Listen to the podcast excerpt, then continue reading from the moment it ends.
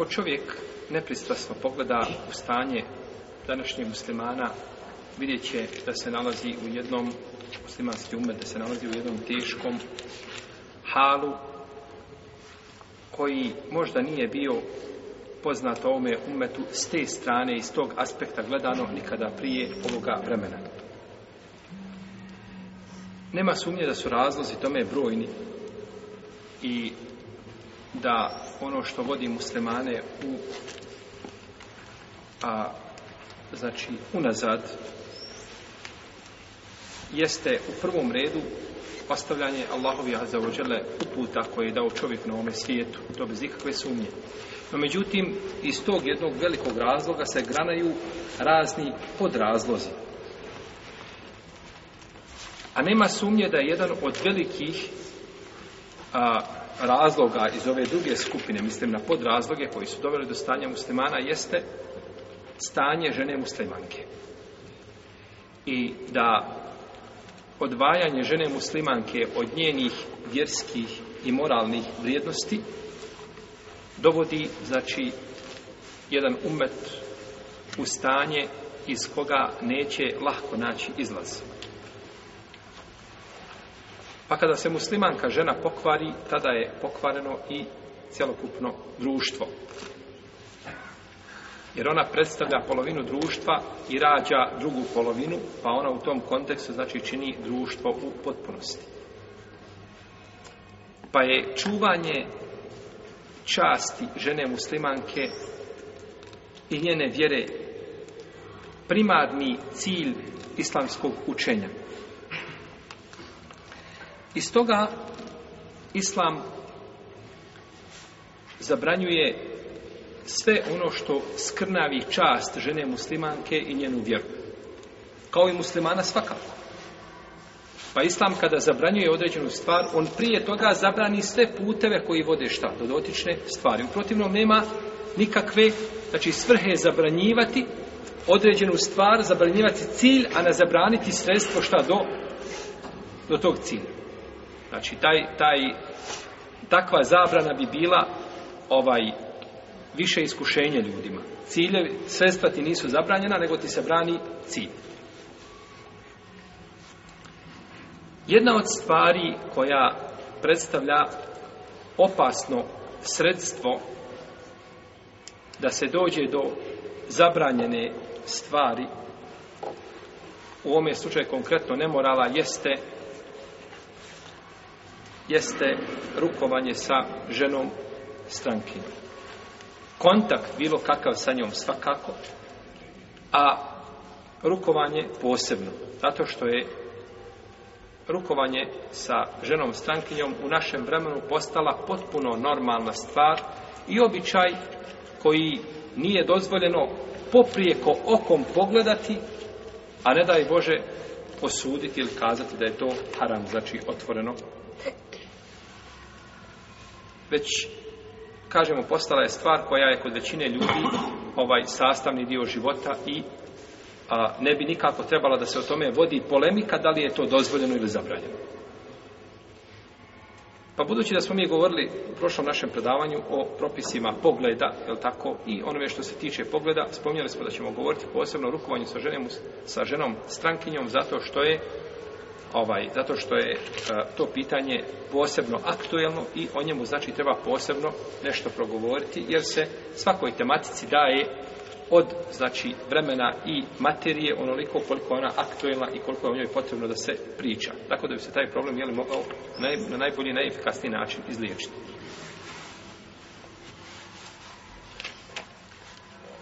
Kada kažemo rukovanje sa ženom strankinjom, mi smo definisali zadnji put šta znači žena, žene koje su mahrem. Ili šta znači da je čovjek mahrem nekoj ženi. Pa smo kazali da je to svaka žena sa kojom mu je trajno zabranjeno da stupi šta u bračnu vezu. I ne postoji put i način da se ona njemu ohalavi. To znači trajna, trajna zabrana. S takvim ženama znači čovjek koji je dozvoljeno da se rukuje Iako, po jednom mišljenju, Imam Ahmed kaže, o fiksnim knjigama Ambelijske pravne škole se spominje da Imam Ahmed i tu bio kategoričan. Kaže, čak ni Mahrem. Ništa. No, međutim, ovaj, to je bilo vjerojatno ovaj, da ima Mahmed eh, ovaj, premen, eh, iz preventivne, eh, preventive ili preventivno pravničko, pravničko sankcionisanje, kako zove se do draja, da je zabranio, znači, takav, jeli, o, o, ovaj, takav postupak. U protivnom, to je halal jer je takva žena trajno zabranjena čovjeku za, ili za bračnu vezu i svakako ako se šehvete probude, onda tu nema razilaženja jel, među islamskim pravnicima.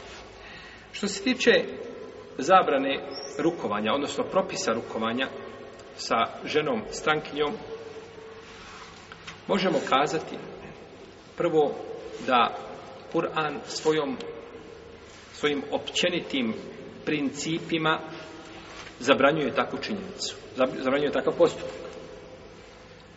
Uzvišenje Allah te barak etala kaže وَلَا تَقْرَبُ زِنَا إِنَّهُ كَنَ فَحِشَتًا وَسَاءَ سَبِي I nemojte se približavati nemoralno.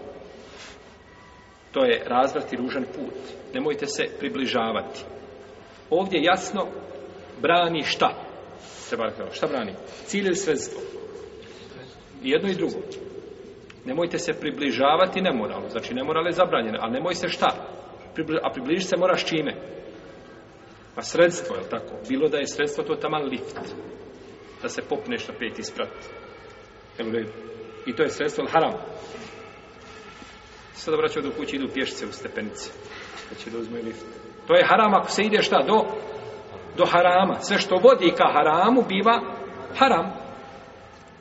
Pogled, rukovanje, eh, raz, razgovor, razgovor, ako znaš da te vodi do harama ili ciljaš sa njim haram, taj razgovor je šta haram. Iako u principu razgovor sa ženom strankinjom nije šta. Nije zabranjeno, tako? Znaš ako postoji potreba za to, nema smetnje. Ovaj. No međutim, putevi koji vode do toga, ona ta krebuz, nemojte se približavati. Pa nije uzvišen Allah rekao, nemojte činiti nemoral. Nego kaže, nemojte se približavati. Pa je ova forma, nemojte se približavati, puno jača i stilistika ove forme puno upečatljivija nego da je rekao nemojte šta činiti ne mora li tako znači ako ti se je zabranjeno nemoj se približavati pa šta je onda čime kada ti, kada ti kaže ovaj ne znam kaže ti otac kaže djetetu u kući može svukuda hodati ali ima ova soba nemoj joj se približavati znači čak ni hodnik koji vodi do te sobe nemoj šta ići što je puno, znači jače nego da mu kaže nemoj ulaziti u ovu sobu. Tako isto, ovaj, u ovome slučaju uzvišenje Allah kaže nemojte se približavati nemoralno. Pa dakle, svi putevi koji vode nemoralno su zabranjeni, a nema sumnje da je rukovanje jedan od puteva koji vodi ka nemoralno. Je tako? Što se tiče hadisa koji brane rukovanje, imamo nekoliko hadisa, neki ukazuju na zabranu, jasno, neki brane, neki se zaključuje, to nije bila praksa poslanika, sam sam. u svakom slučaju mi ćemo spomenuti neke od tih hadisa na znači, ovu temu.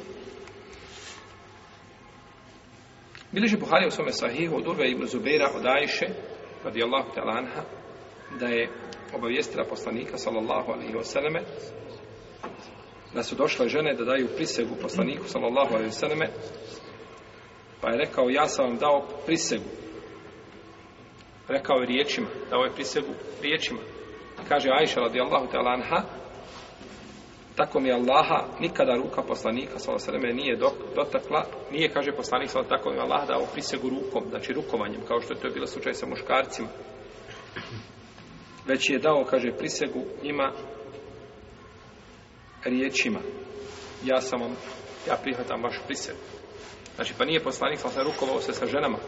Iako je, braće, ovdje rukovanje puno ovaj a, zahtjevnije nego u slučaju običnog selama. Jel u redu? Ja, to je prisega. Dolaziš i kaže, ja sam uz tebe, Allaho poslaniče, daj mi prisegu.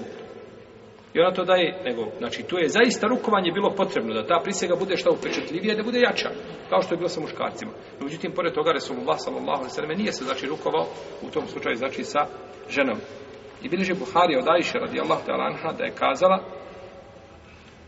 Poslanik je sa osrme davao prisegu, odnosno žene su davale njemu prisegu riječima.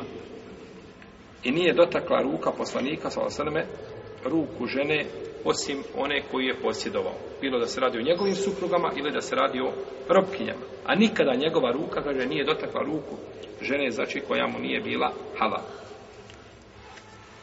Ovo je znači bio postupak poslanika sallallahu alejhi ve sellem. I bliži Mahmed u svome ustadu, imam tirmizi u sunenu, od Umejme bintu Rukajka, da je kazala, došla sam kod poslanika, sallallahu alaihi sallame, sa ženama da mu dam prisegu. Ona i skupina žena su došla kod poslanika, sallallahu alaihi da mu daju prisegu. Pa smo rekla, Allah poslaniče, zar se nećeš rukovati sa nam? I one ukazuju na šta? Ovo ukazuje, znači da je ovo ozbiljna stvar. Nije više samo čovjek, ovaj, zamislite, čovjek prodao kuću, čovjeku kuća od, ne znam, pola miliona maraka, prodao mu kuću. Jesu, jes, hajde, u redu živio, hajde, ja ću se prebasti pare i odeš. Ima li toga? U trgovini toga nego daj ruku, pa se ruka stisne, jel tako, pa dogovori, pogađanje, ne pogađanje, nije bitno, uglavnom postoji šta? Znači, zbog važnosti tog čina ruka se uzme, pa nakon toga se ide na kahu, pa na ručak, ima, znači, ne, obilježi se to nečim, jel tako? Zbog važnosti toga. Za razliku od toga kad dođeš kod čovjeka u trgovinu i kupiš kod njega tako kilogram ovaj ne znam hleba nisi nikad pekaru rekao e ajde da ovaj da je za mahnemo je da je, da, je, da je prodam nego je šta safka je li nije bila ta safka da je zamahne sa rukom nego je kupiš i ideš dalje nije kilogram hleba nije znači stvar e, vrijedna u smislu je li te materije toliko plaća da se o tome ovaj da se tome tolika pažnja posvećuje pa šta mislite onda kada dolaziš daješ prisegu na islam koja to kuća i to, koji to grad i koja to zemlja može biti prijedna kao islam. Pa je bilo potrebno za koja Allah posljednje, daj ruku i se sarama, to bude zaista upečatljivo i mi da nam se srca smilite, kaže Rasulullah sallallahu alaihi sallam, ja se ne rukujem sa ženama. Ja se ne rukujem sa ženama. I braći, kad govorimo o rukovanju sa ženom strankinjom, mislimo na muslimanku i na muslimanku. Nikakve razlike nema. U smislu rukovanja. Znači, nema razlike ovo ili ono. Znači, dok je strankinja žena, ovaj, to je zabranjeno. Odnosno, jel govorimo o propisu tom. Kaže, ja se ne rukujem sa ženama, moje riječi jednoj su ženi kao stotini žena. Kada kažem, ja sam primio vašu prisegu, znači to je riječima primljeno i nema u tome nikakvog spora. Kaže, imam tirmizi da je ovaj hadis Hasanun Sahih. I kaže mu Kesir da mu je lanas prenosilaca vjerodosti. Znači, hadis je ispravan bez imalo sumnje. A, kaže, imam ili Šenkiti u svome tefsiru Adwaul Bejan kaže ovaj postupak poslanika za osvijem ukazuje jasno da muslima odnosno da se muškarac ne treba rukovati sa ženama strankinjama niti doticati ništa od njihovog tijela a kaže najblaži vid doticanja jeste šta? rukovanje to je najblaži vid doticanja pa ako je poslanik sa osvijem zabranio da to učini u ovome vremenu kada je bilo potrebno da se to čini a kada je bilo potrebno da se to čini onda je kaže to u drugim vremenima je li još zabrana još vreća jer tu ima potrebe nekakve da kažemo ovo je, ovo je iznimna situacija sada ćemo se rukovati nakon toga više nema rukovanja no međutim ovaj ni u toj iznimnoj situaciji nije poslanik sa osvijem to učinio a nama je dužno da slijedimo poslanika, sa osnovu njegovim šta? Riječima i postupcima i odobravanjima. Je tako? To je sunnet, to je definicija sunneta. Definicija hadisa. Šta je hadis? Ono što je poslanik sa osnovu kazao ili je činio ili je odobrio. Znači, to se smatra, jeli, sunnetom. Kaže Hafid Iraqi u svome dijelu Tarhu Tefrib, Kaže, ako to poslanik sa osvijem nije činio, šta ako nije činio? Ako se nije rukovao sa ženama. Pored njegove nepogrešivosti u vjeri, njegova ismeta, i ako iko ima čist na zemlji, onda je to Rasulullah sallallahu alaihi sallam. I nema sumnje njegovo najbolje biće i najbolji rob, i koji muslimankama nije želio osim najbolje kao i muslimanima, I ako se u ikoga ne treba sumnjati, onda je to Resul 8. Nije to činio, onda smo mi, kaže, preči da to šta? Znači, onda smo im preči da se povedemo za poslanikom i subhanala da nemamo ništa osim ovoga hadisa, nikakvi drugi hadisa da nemamo, to je dovoljno, poslanik sa ozmini činio, neću ni ja činiti. I zato, braću, kako kaže, imam šatibi kod ashaba, nije bilo poznato da su raspravljali puno, niti da su opće raspravljali tome kada poslanik sa nešto zabranjeno, da kažu, je to zabranjeno, je to keraha, kerahijet, da je to pokućeno, ili je to haram, pogrdno. Jer mi znamo kada poslanik sa nešto zabrani, šta to može biti. To je zabranjeno, u svakom slučaju. E, da li je taj stepen zabrane kategorički, pa da bude haram, ili je zabrana, ona blaža, pa da bude mekru, to je, je li ovaj, može biti jedno ili drugo. Uđutim, kod ashaba to nije bilo poznato. I braći, tako je kod vjernika. Kod vjernika ne treba da raspita, kada mu kažeš poslanik zabranio, dobro kaže, je li to mekruh ili haram? On ne pita da li je mekruh ili haram da zna šta, propis, nego pita ako je mekruh, ahano sa, taman dobro došlo mekru ne smeta činiti. Ili kad mu kažeš poslanik sam nešto naredio, kaže, jel to važi bilo je sunnet? Što znači ako je sunnet, da, nema šta, nema toga ništa. Je tako? Nije, to je pogrešno. Ti pitaj da li je važi bilo je sunnet u smislu da saznaš propis šerijatski hukm. Jer sve što je u šerijatu ili će biti važib, ili je sunnet, ili je mubah, ili je mekruh, ili je haram. Ovih pet nema više, mimo toga. Kod Hanefija ima sedam.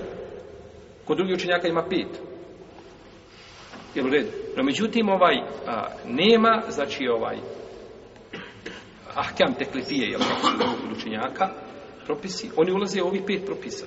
Šta je da ja znam kao, ne smeta da znaš kao propis, no, međutim, da ispitivaš da bi nakon toga ohalalio sebi zabranjeno, ili da bi ostavio činjenje naređenog, to je belaj, to je problem. Pa to da sama nije bilo poznato. To je došlo kod nas, jeli kada pokušamo uvijek nekako da to upakujemo, jeli da pobjegnemo od propisa.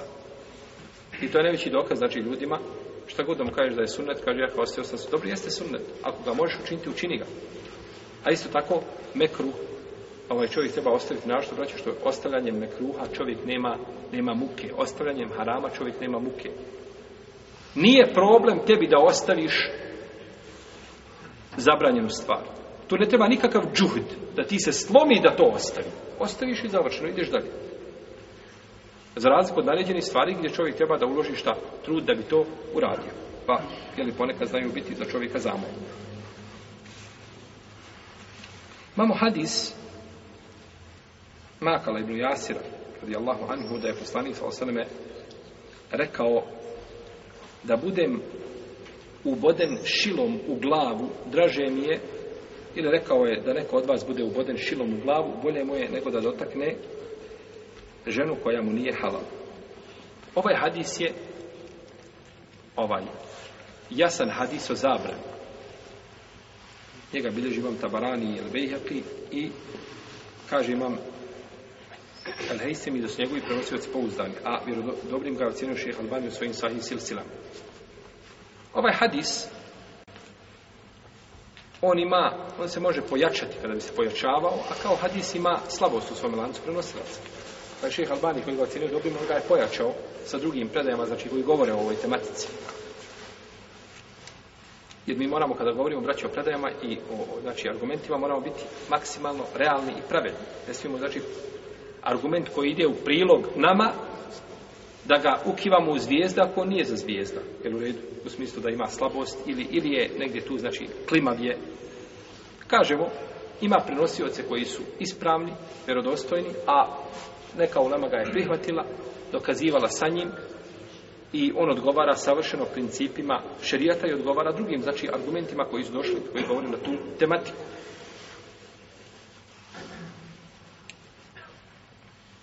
Imamo hadis kod muslima u sahihu debu urede da je poslanik sa rekao Sinu Ademom je propisan udio u nemoralu. Sinu Ademom je propisan udio u nemoralu i on će ga činiti nema, ne može pobjeći. Činit će nemoral, ili taj udje u nemoralu ima, ne može od njega nikako se sačuvati. Pa kaže poslanik sallallahu alaihi wa sallame, oči čine nemoral i nemoral očiju je pogled. I uho čini nemoral, a nemoral uha je slušanje onoga što ne smije čovjek slušati. I jezik čini nemoral, a nemoral jezika je govor onoga što je zabranjeno da govori kada se tiče ove tematike, jel? I ruka čini nemoral, a nemoral ruke je dodir. Nemoral ruke je dodir i noga čini nemoral, a nemoral noge je hodanje ka nemoralu, da čovjeka vodi, znači, ka tome. I kaže dalje poslanik, sallallahu alaihi wasallam, i srce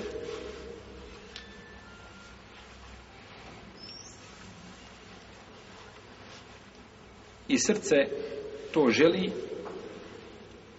a stidno mjesto to odbije ili potvrdi dakle ako imamo imamo čovjeka i ima nekoliko vrsta nemorala bilo da ga čini svojim okom da ga čini svojim uhom da ga čini svojom rukom, svojom nogom to će čovjek činiti i nemoguće ne, ne, ne, ne je da čovjek nekad ne čuje nešto što nije ispravno ili da nekad ne progovori nešto što nije ispravno i tako dalje. To su, no međutim, to je nemoral, to su putevi ka nemoralu, odnosno to su, znači, uvodi za nemoral, a nemoral na kraju biva, kako rekao poslanik, stidnim mjestom da to potvrdi ili da to šta negira. To znači biva jedno od dvoje. Znači, ili jedno ili drugo.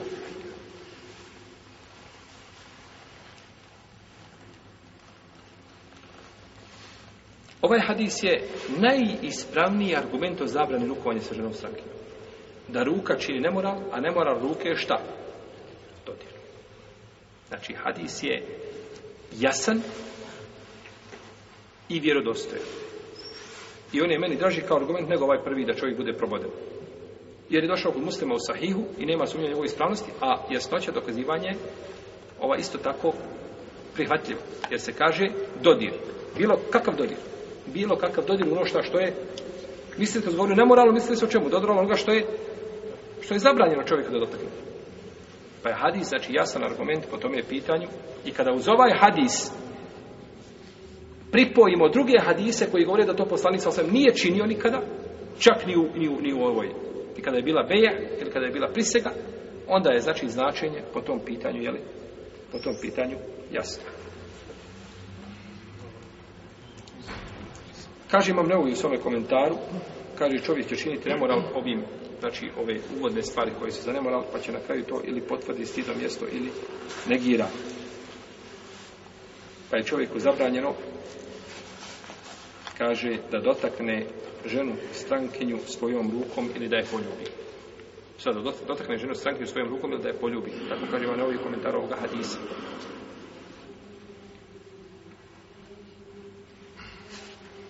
čitao sam pitanje koje je postavilo igru bazu, kaže žena, moj zet kada dođe s puta, ja se ne rukujem sa njim zato što je to zabranjeno, već ga poljubim. Je li to dozvoljeno? Ja sam da je poljubiti zeta veći grijeh od, od rukovanja. Je tako? To što je, znači, ovaj, to nije dozvoljeno ni u kom slučaju.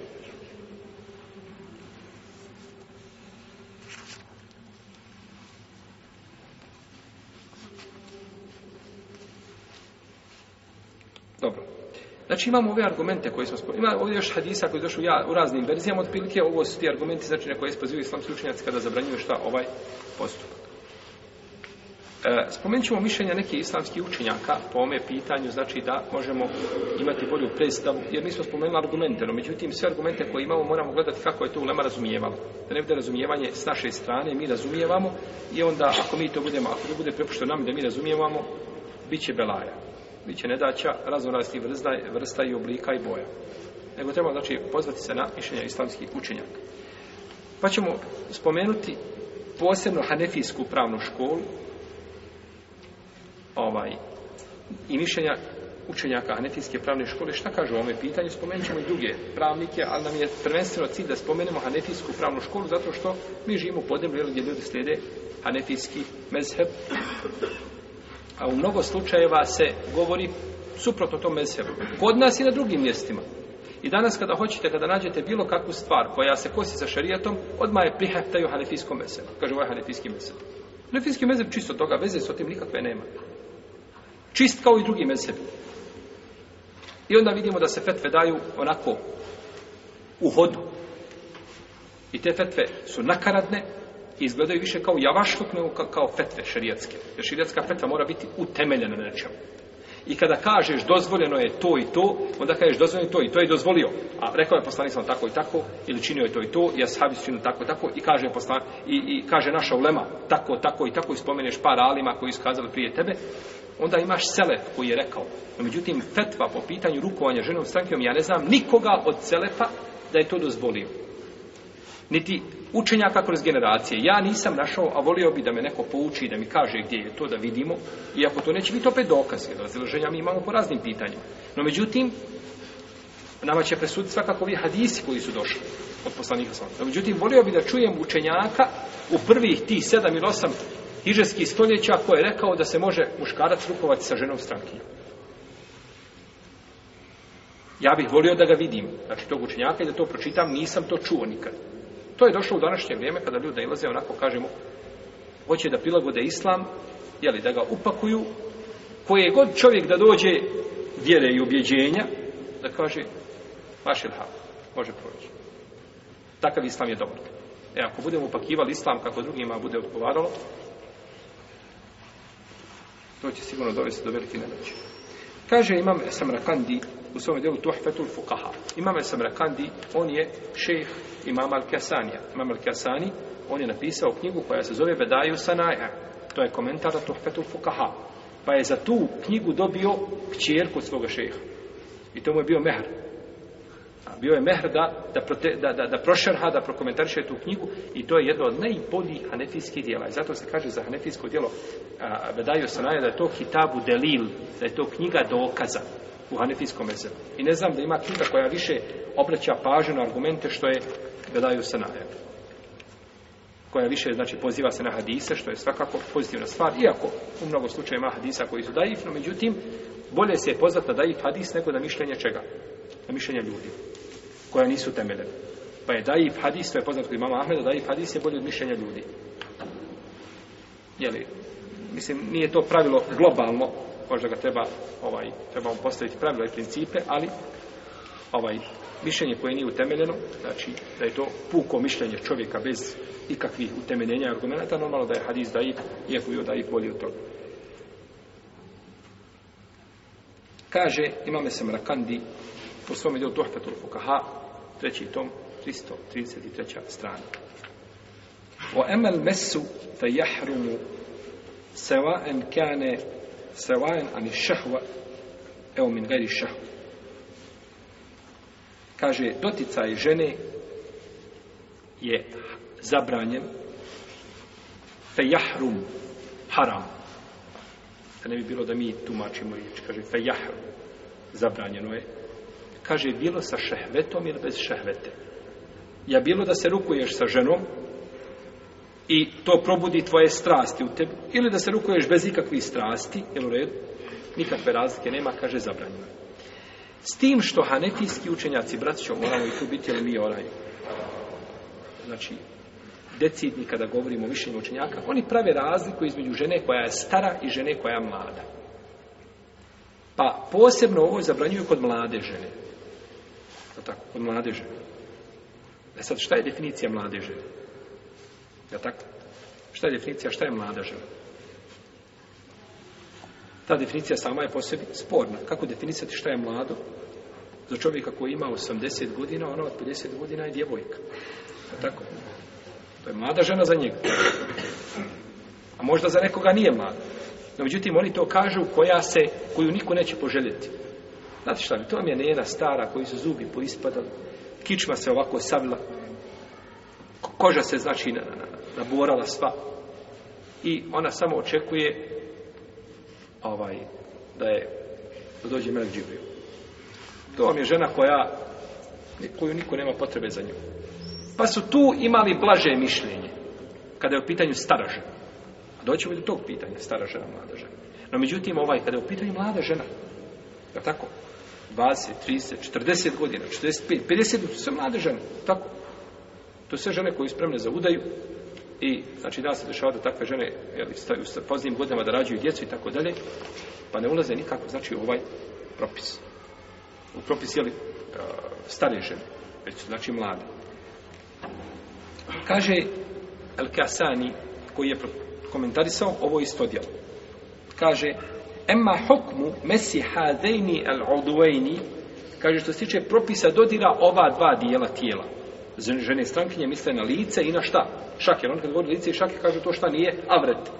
Dobro, kakav je propis doticanja tih dijelova tijela?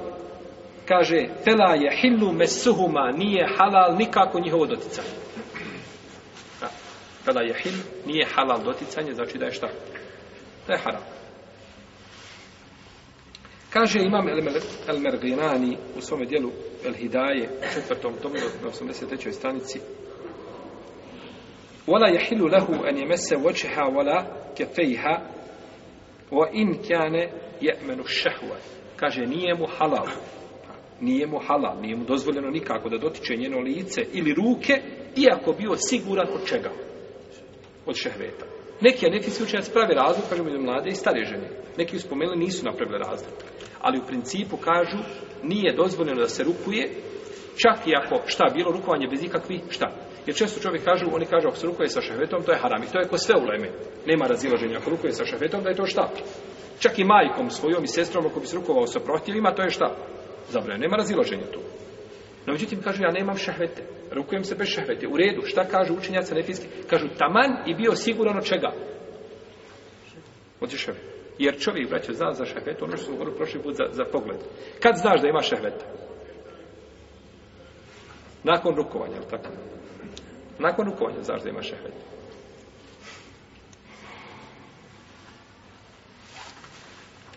Kaže dalje imam el Meusili u svom dijelu el Ihtijar le ta'lel il Muhtar, isto hanefijsko dijelo. Ovo su braću sve stara hanefijska dijela, hanefijskog fika.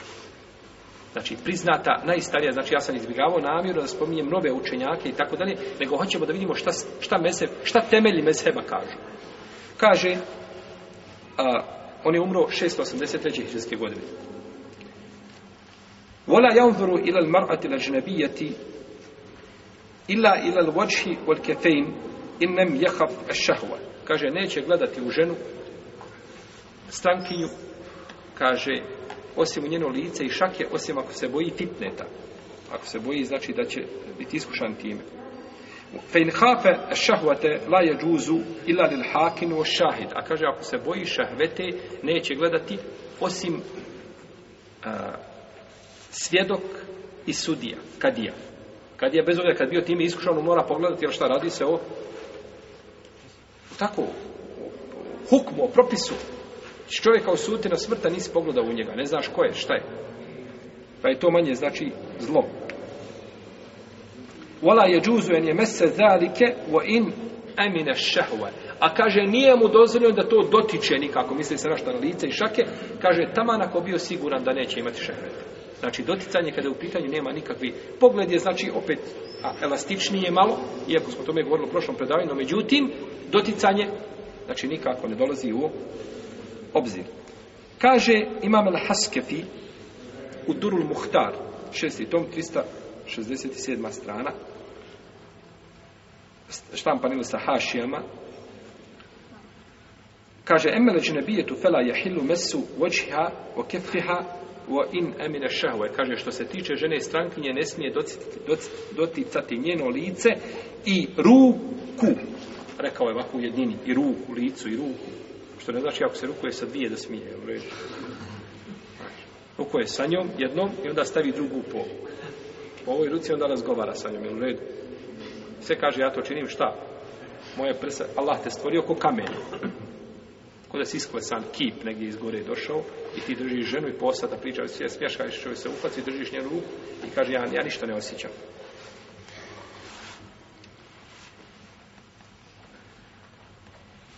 kaže doticanje njene, njenog lica i ruke kaže nije dozvoljeno taman taman bio siguran da nema čega šehvet taman bio siguran da nema čega šehvet Kaže imame Zejle'i u svome dijelu Tebjinul Haqqaiq, u šestom tomu na osamnestoj strani.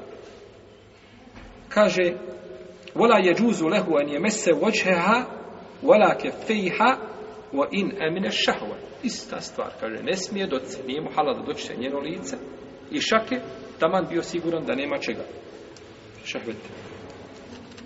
Ovo znači neki hanetijski učenjaci koji su govorili o ovoj tematici, isto tako je Ibn Abidin je rekao, kaže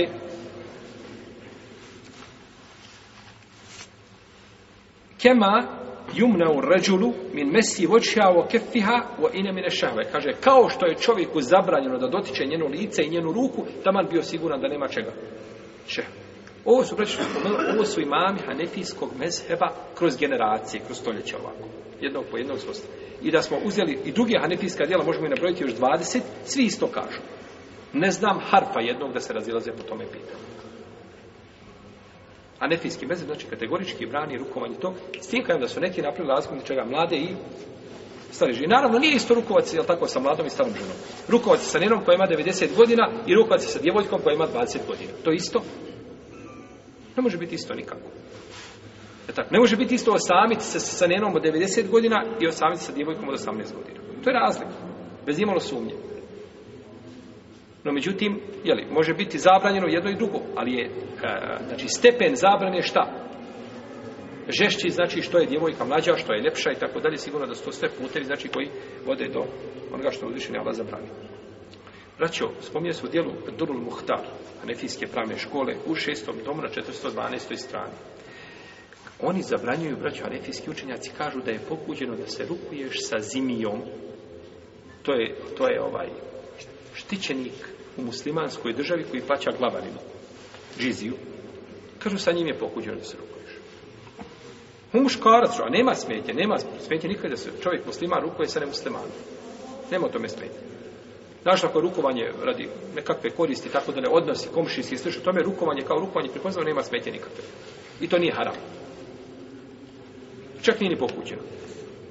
To je muba, to je od dobročinstva prema ljudima, znači, rukovanje, ako je rukovanje, znači, jeli, da nije čestitanje onoga što je zabranjeno čestiti, tako dalje, da rukovanje samo pripozdrav da tuži ruku še firme ili, ili komše, tako da nema smetje nikada. Ali oni, a ne ti slučaj, skažu ne i to je pokuđeno. A dozvoljavaju rukovanje ženom. To je znači ne. Kao što spomenuo kanefijski učenjak, kanefijski učenjak zabranjuju odstranjivanje dlaka sa, sa vrata. Ovdje dole koje izrastu. A dozvoljavaju prijanje brade. Ne. A iako vrat ovo dole na vratu, to nije, to nije brada. To ne pripada bradi. I u jezičkom, ni u tehnološkom smislu. No, međutim, kažu islamski učenjaci, arabijski pravi škole, ne, ni to se ne ostanje. Kako će onda dozvoliti prijanje brada? Isto je tako, znači, stvar pri rukovanju. Spomenut ćemo neke učenjake iz drugih pravnih škola, kažemo, obraćamo, ja nisam htio namjerno da, da vas ne, ne opterećujem tim mišljenjima, znači spominjemo, isto ćemo spominjati. Možemo pomijeniti sve islamske učenje kanevijske pravne škole, isto to koji su govorili o toj tematici, znači da spominjemo iste riječi. Kažem, ne znam, harfa jednog, gdje se razilaze hanefijska pravna škola, po ome pitaju. Harfa. Kod njih, a niko drugi. Kaže Ebu Bekr ibn al-Arabi, on je malikijska ili pravna škola, u svom djelu Arida Tulahvo je to je komentar na Tirmizin Sunem, koji je štampan danas u devet tomova, kaže u sedmom, na 95. strani, poslanik sa osvrame kaže nije rukovao sa ženama kada je, kada je uzimao priseg od svojom rukom. Pa su, pa je rekao ženama moja riječ jednoj ženi je kao i svim ženama. I nije ih nije se sa njima rukovao jer je to šerijatom zabranjeno. Zabranjeno doticanje, tome je doticanje žena kao što je šerijatom zabranjeno. I kaže imam el-Bađi, Ebul Walid el-Bađi, on je poznati učenjak e, e, Malikijske pravne škole, ono 492. hrđeske godine od oranih islamskih učenjaka, on je dao komentar na Malikovu muetu, koji zove el-Muntaka. Kaže u tom svom dijelu, muškarci daju prisegu rukovanjem, a to je zabranjeno kada su u pitanju žene, zato što je tu doticanje žena šafijska pravna škola, imam neovi, kaže u svom djelom Međmua, u četvrtom tomu na 515. strani, kaže i čovjek se mora dobro čuvati. Ha, čovjek se mora dobro čuvati kada se rukuje sa mladićem golobradim lijepim. Mladić lijep, golobrad, da se rukuje sa njim.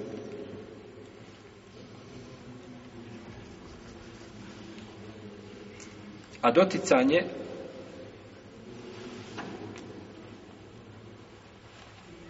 nije nikako dozvoljeno kada je u pitanju žena. Doticanje žene strankinje, kaže, nije nikako dozvoljena, a dozvoljeno je da je, da je gleda kada se želi šta? Ženiti. Ali ne smije šta?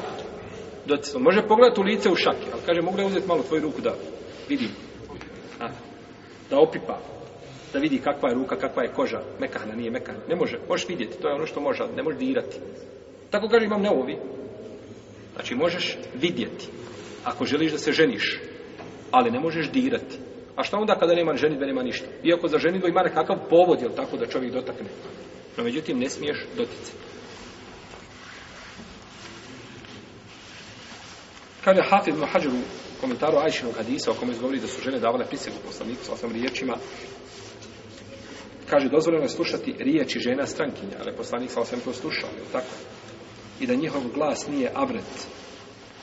A zabranjeno je a zabranjeno je da se dotiče nešto od kože žene stankinje osim u nuždi.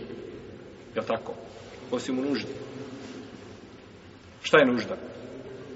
Govorili smo, je tako? Liječenje. Primjer, je Liječenje. Ili da se pruži pomoć bilo koja druga, je žena pala, slomila nogu, treba joj pomoći, treba je dići. Auž bila da ja nečim bojim se slučajno da me ne dotakneš. Znači, ako je nužda, ako je darura, koja zahtjeva da se pomogne, to je druga stvar. To je druga stvar.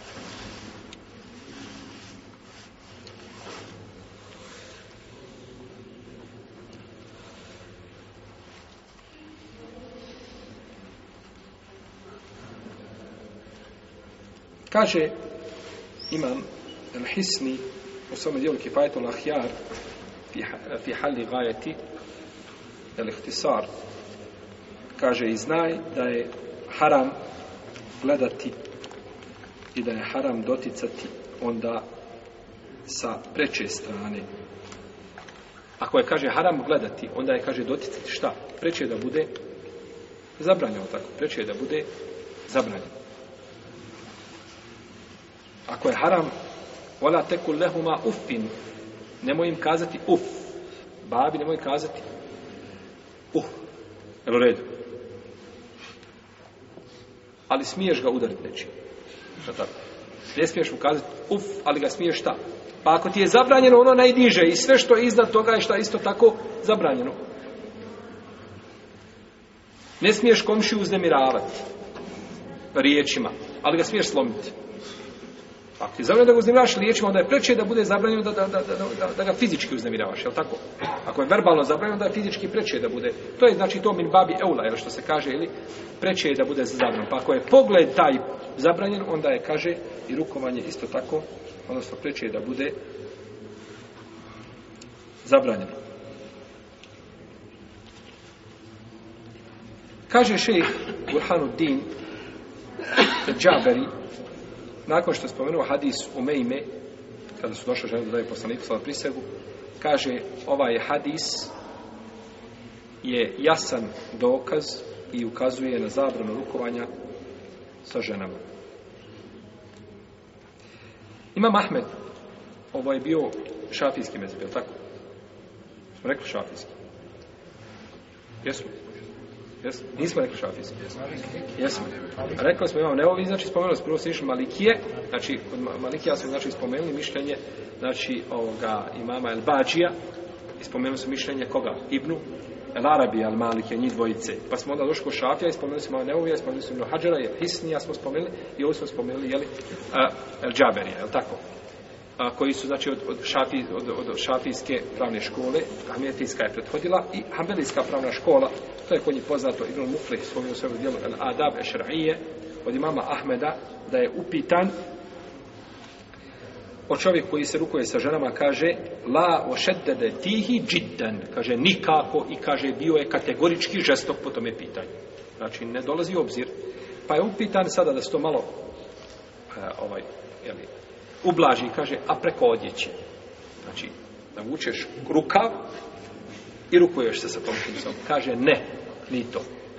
Čak ni to. Iako je razlika, jer razlika je šta? Da se rukuje preko odjeće i, i direktno, koža na kožu, da je razlika. Nema svoje radno, međutim, ne, kaže, nikako ni to.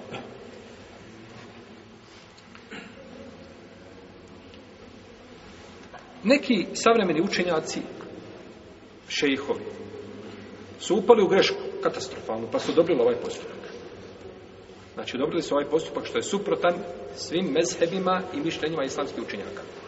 I ja ne znam stvarno, braći, mene čudi čovjek kada kaže nešto što ne zna, da je neko prije njegov doleme rekao, ja ne znam, razmišljaš li kako ćeš doći pred Allaha za i kako ćeš mu odgovoriti.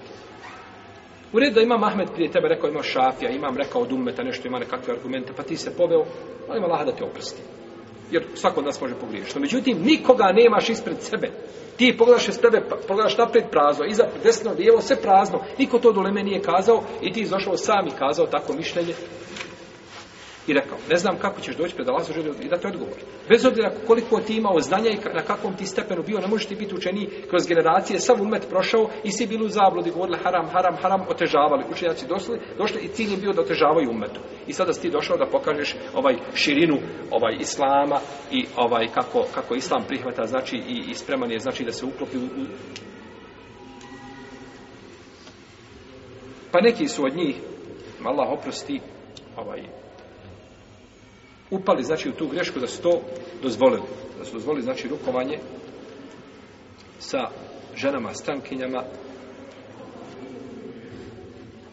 što je neprihvatljivo u svakom pogledu. Šta oni uzimaju kao dokaz? Oni uzimaju hadis koga bilježi Imam Ahmed u svojem usadu u šestom tomu od Esme Pintu Jezid da je poslanik sam okupio žene da im dadne prisegu.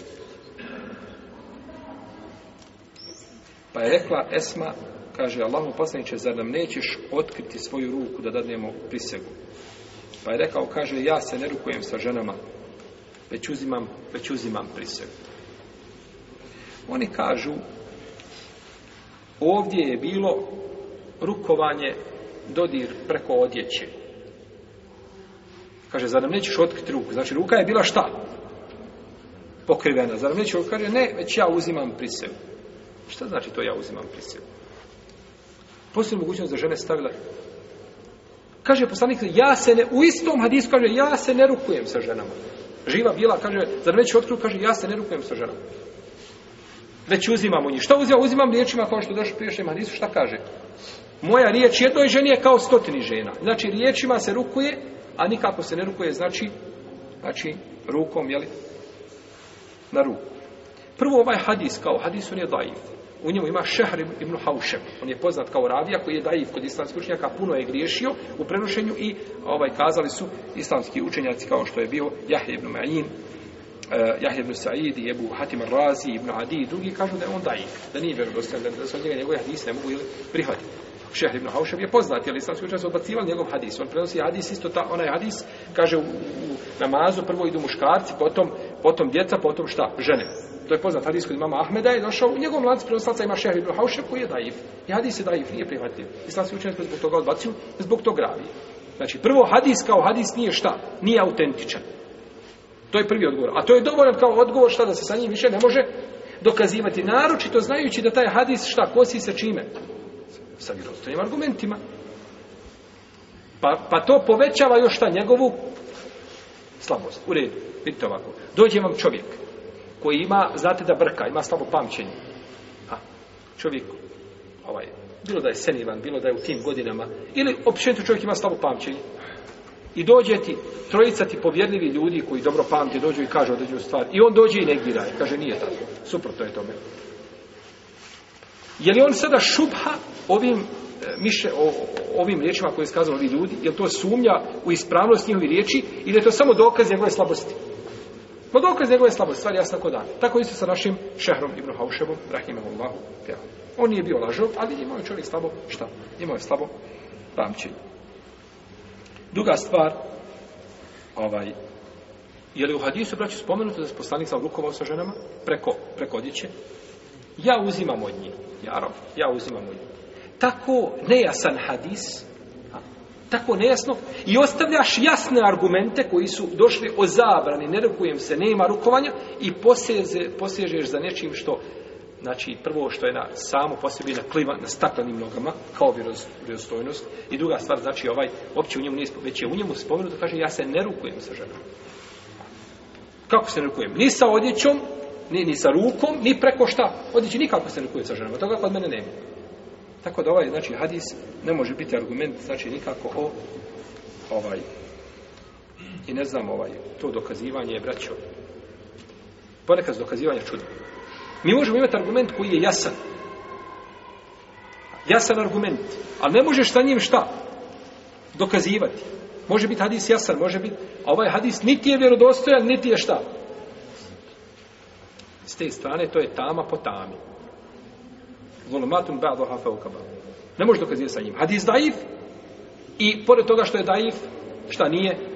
Jasan. Bar da je jasan. Ali nije ni jasan, niti je autentičan.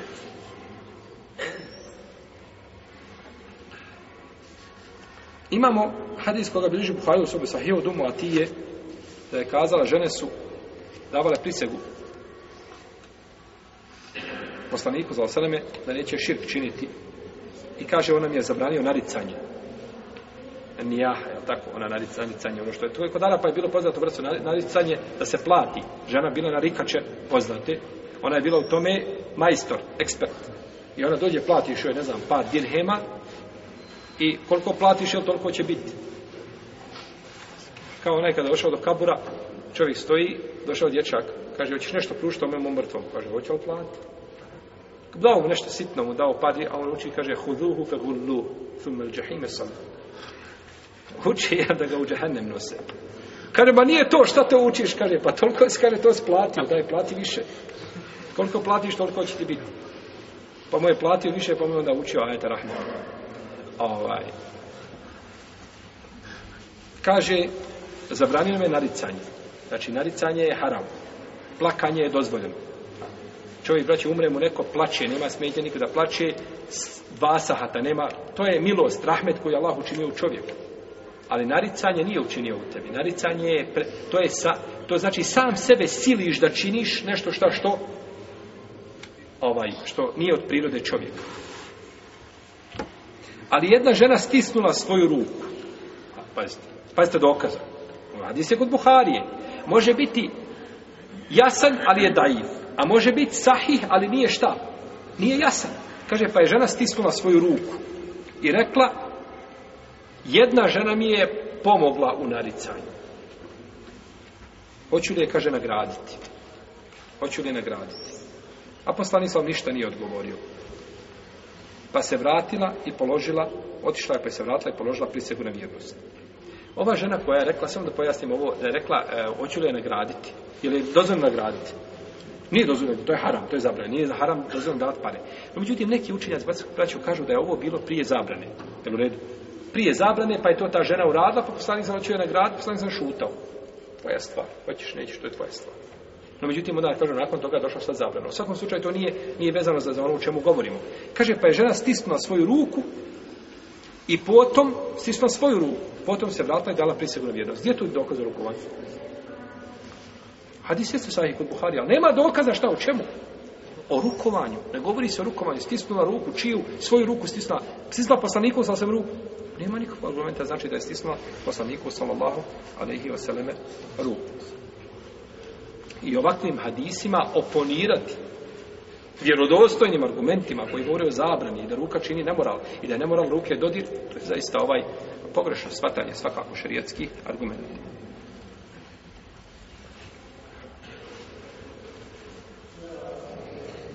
Navodi se od Omera da je rukovao se sa ženama prilikom prisege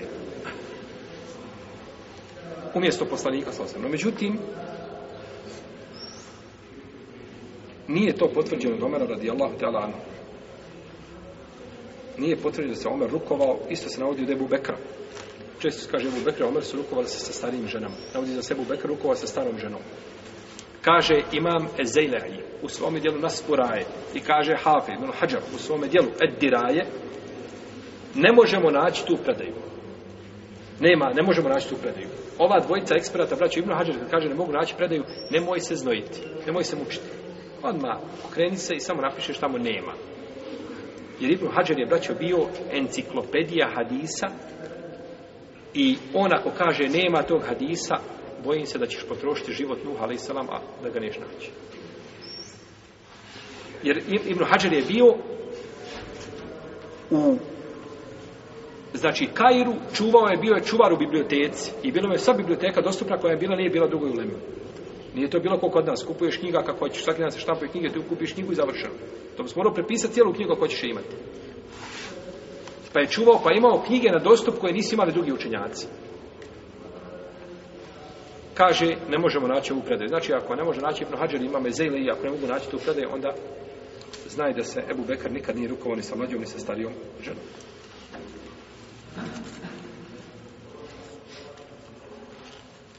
Isto tako u in kuntum marda wa la safarin aw jaa ahadun minkum lil qa'it aw lamastum an-nisa falam tajidu ma'an fadayamu sa'idatan kaže i ako budete bolesni ili na putu ili od vas neko obavi fiziološku potrebu ili budete doticali žene pa ne nađete vode, abdestite se. Kažu, evo, ovdje je spomenuo doticanje čega?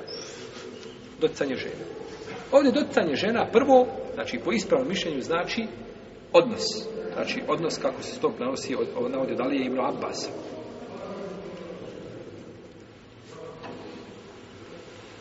Ili po drugom mišljenju da je to da čovjek poljubi svoju suprugu kako se pravnici od diploma, ali ispravno je prvo mišljenje da se tu radi o odnosu.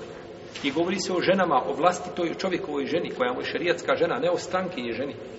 Dotakneš stranki u ženu i moraš po ispravnom mišljenju, kad bi se rukovao sa strankijom ženom, ti se ne moraš abdest nakon toga. Ha. Ne znam, dođe radna kolegica, čovjek pruži ruku i on se, on se stidi sam nekam i pružio je ruku. A ima abdest. On ne mora obnavljati abdesta zbog toga. Jer to nije o stvari koje kvare abdest. Tako da je ispravno da ovaj ajet ne može znači ni u kom kontekstu poslužiti kao argument, nego ovaj je vezan potpuno za drugu stvar. Tako da je, braćo, argumentiranje o rukovanju sa ženom strankinjom od ozvoli toga je jako poput paukove mreže. Toliko je jako. Puhneš jače, razvalio se te argumente. Dakle, nema nikakvog argumenta koji bi ukazao ni iz daleka na dozvolu toga čina. Argumenti koji zabranjuju su jasni i mišljenja islamskih učenjaka kao što smo spominjali, jeli, da su po tom pitanju jasni. E sad ostane nam pitanje razlike među stare i mlade žene.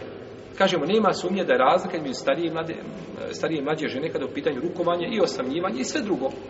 Jer starica žena, ovaj, jeli, sigurno nije u tom pogledu, znači opasnost je puno manja nego sa mladom ženom. No, međutim, braće, u principu ne bi se trebala praviti razlika.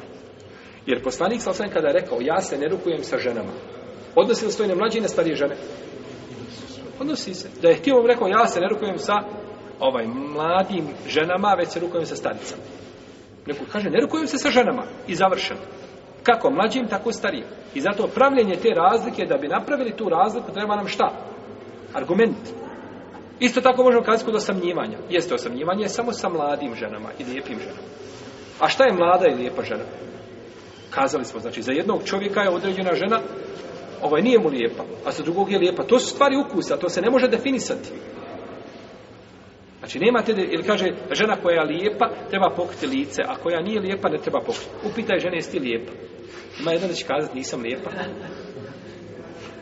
I kod nje najveći musibet, znači koji je može zadizati da neko kaže da nije lijep. Znači, nemoj valiti vjeru, valiti ahlak, val, valiti odjeću, sve to u redu, no međutim ostalo ono glavno, reci jesam ja lijepa, nisam lijepa. Tako, to je kod žene, takva je priroda žene.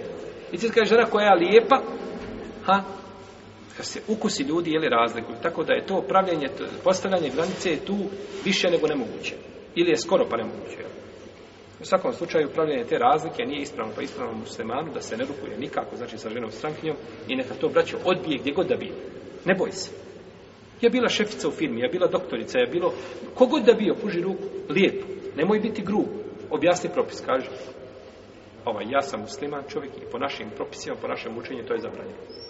Naravno, naći ćeš možda ponekad na, pro, na, na problem, pa ćete kazati, pa živi bio, ja sam učer gledala emisiju preko televizije i došao je Jedne prilike je stojala zvojica imama i došla je žena i pružila ruku jednu.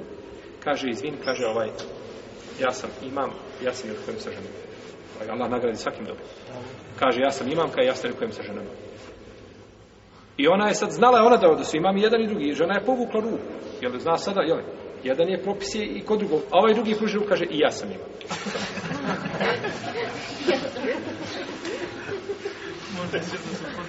dobro, ovaj, ja shvatam da ti smatraš da rukovanje da je dozvoljeno. Razumijem. Niko od uleme, braćo, nije rekao da je to sunnet. To ne znam. Da je neko rekao da je to sunnet, pohvalno i da očekuješ nagradu da To ne znam. Svi kažu da je dozvoljeno. U najmanju ruku tvoje je bilo, ako je taj čovjek, bar da toliko poštuješ svoga brata muslimana koji zastupa mišljenje koje je svakako ispravnije, da u tom momentu ne pružaš ruku. Pa će možda ovaj, neka žena kazati, ali ja sam vidjela muslimane, ugledne ličnosti koji ljudi rukuju sa ženama pokajemo, svako će odgovarati za svoje postupke. Kod mene je to zabranjeno, ja sam... Znači, nije vezano za vas kao osobu.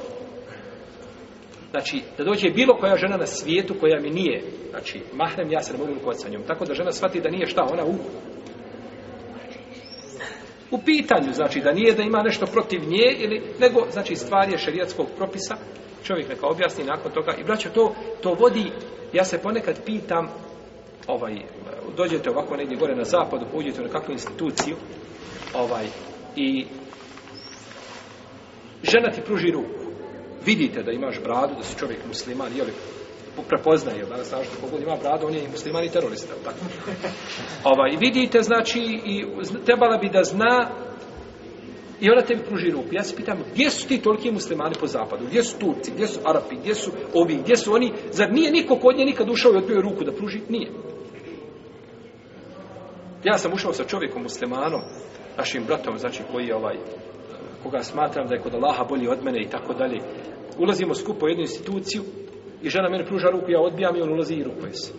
On prilazi za moji leđa, znači nakon toga se rukuje. Pa živ bio, to je, to je samo kazaći, pa eto i vi muslimani ste koji mi, mi imamo četiri inđila i vi imate četiri o, nekakve ovaj, mišljenja. I, o, tu, kod vas, to je tu negdje, mi smo tu negdje, u par deka. Pa znači, ti kada uđeš i kada odbiješ na lijep način ruku ženi, ili žena odbije muškarcu, taj muškarac više zna, a, žena kad dođe pokrivena, više neće pružati ruke. Tako. Naučit će se u najmanju ruku, naučite se propisu. Šta smeta da znate propise? Je tako? Pa je to znači obaveza muslimanu da na lijep način odmije ruku i da se ne rukuje nigdje. Nema te situacije da kaj na ljuće sa rodbina. Neka se ljute i neka prsnu od muke. Neka popucaju svi. Nema rukom.